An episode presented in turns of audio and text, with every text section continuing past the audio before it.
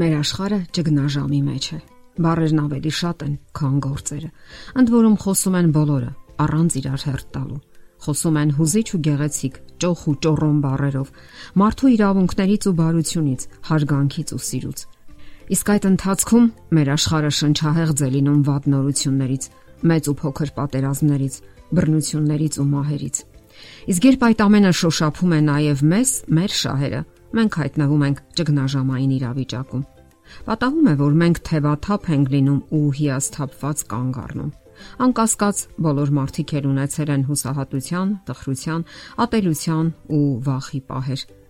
Իսկ երբ դա երկարաձգվում է, երբ զգում եք, որ եւս մի փոքր եւ այլևս չեք դիմանալու, վրա է հասնում սթրեսն ու դեպրեսիան, վտանգելով մարդու առողջությունը։ Ինչպես վարվել եւ ինչպես կարելի է դուրս գալ նման իրավիճակներից։ Ինչպես հավաքել ուժերն ու հաղթահարել ճգնաժամը։ Եվ վերջապես, ինչպես շարունակել կյանքը։ Կան խորհուրդներ, որ գուցե եւ օգնեն ձեզ ազատվելու տագնապալի տրամադրությունից եւ վերականգնելու հոգեկան խաղաղությունը։ Առաջին հերթին հարկավոր է հայտնաբերել սթրես առաջացնող գործոնը Հարկավոր է կազմել այն բոլոր բաների ցուցակը, որոնք ազդում են ձեզ վրա եւ անհանգստացնում են ձեզ։ Սթրես առաջացնող շատ պատճառներ կարելի է լիովին թեթևացնել կամ նույնիսկ վերացնել։ Հարկավոր է խուսափել ձեզ հայտնի սթրեսային իրավիճակներից։ Ամենից առաջ հարկավոր է լինել լավատես Սկսենք դրանից։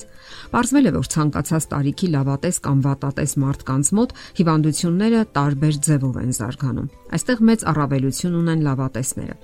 Մինչ վատատեսությունը նվազեցնում է օրգանիզմի իմունային համակարգի արդյունավետությունը, լավատեսությունը բարելավում է լեյկոցիտների ընդունակությունը որոնք ոչնչացնում են բացիլներն ու քաղցկեղային բջիջները եւ իմունային համակարգը ճնշող այլ տարրեր ու հանգամանքներ։ Նկատվել է նաև, որ կրսկի քաղցկեղով հիվանդ կանանց լավատեսությունն ու հասարակական սատարումը նպաստել են, որ նրանք արագ հաղթահարեն սթրեսի հետևանքները։ Իսկ մենք գիտենք, որ սթրեսը իմունիտետի թշնամին է։ Ընդ որում ուշագրավ է, որ լավատես կանայք ու տղամարդիկ ավելի շատ են օգտագործում սալատներ, միրգ ու բանջարեղեն, հատապտուղներ, իսկ վատատեսները քիչ են օգտագործում բջջանյութ, ավելի շատ ալկոհոլային խմիչքներ եւ անառողջ սննդամթերք։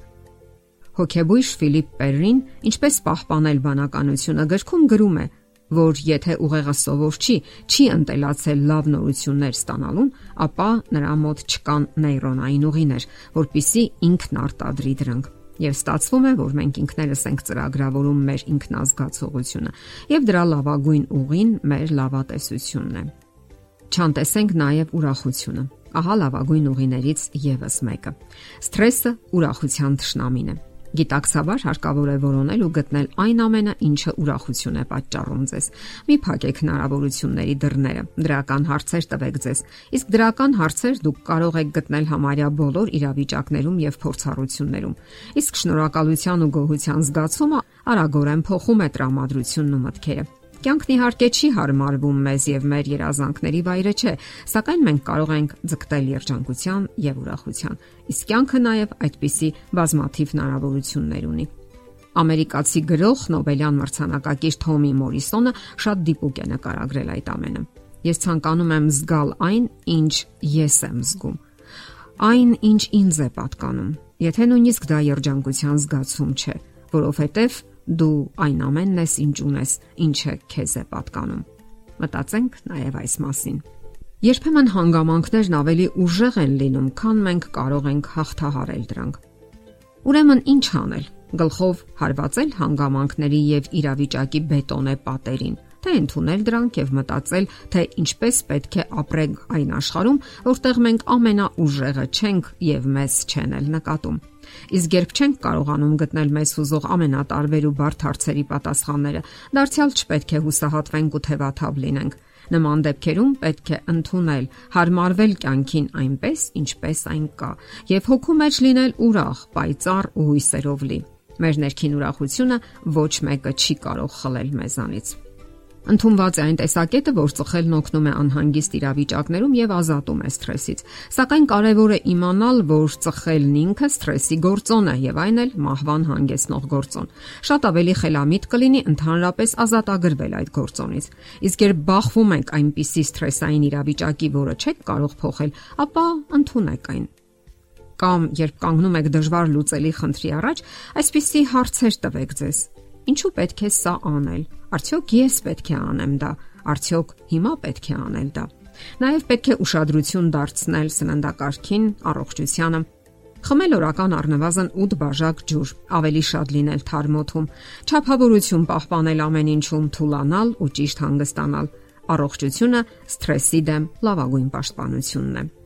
Հիշեք, որ դուք չպետք է կառավարեք ուրիշների կյանքը։ Ինչպես ասում են, պետք չէ վարորդին սովորեցնել, թե ինչպես վարի իր մեքենան։ Նաև պետք չէ լինել եսասեր։ Եսասիրությունը ճարիք է։ Բնականon ինքնահարգանքն ու արժանապատվությունը հասկանալի է, իսկ ահա ինքնասիրահարվածությունը, եսակենտրոնությունը կործանարար սթրեսի գլխավոր պատճառներից են։ Դուք ինքներդ պետք է ձգտեք դրականորեն վերաբերվել բոլոր մարդկանց, դրականորեն մտածել նրանց մասին։ Ձգտեք ամեն օր մի լավ բան ասել կամ մի լավ բան անել մարդկանց համար։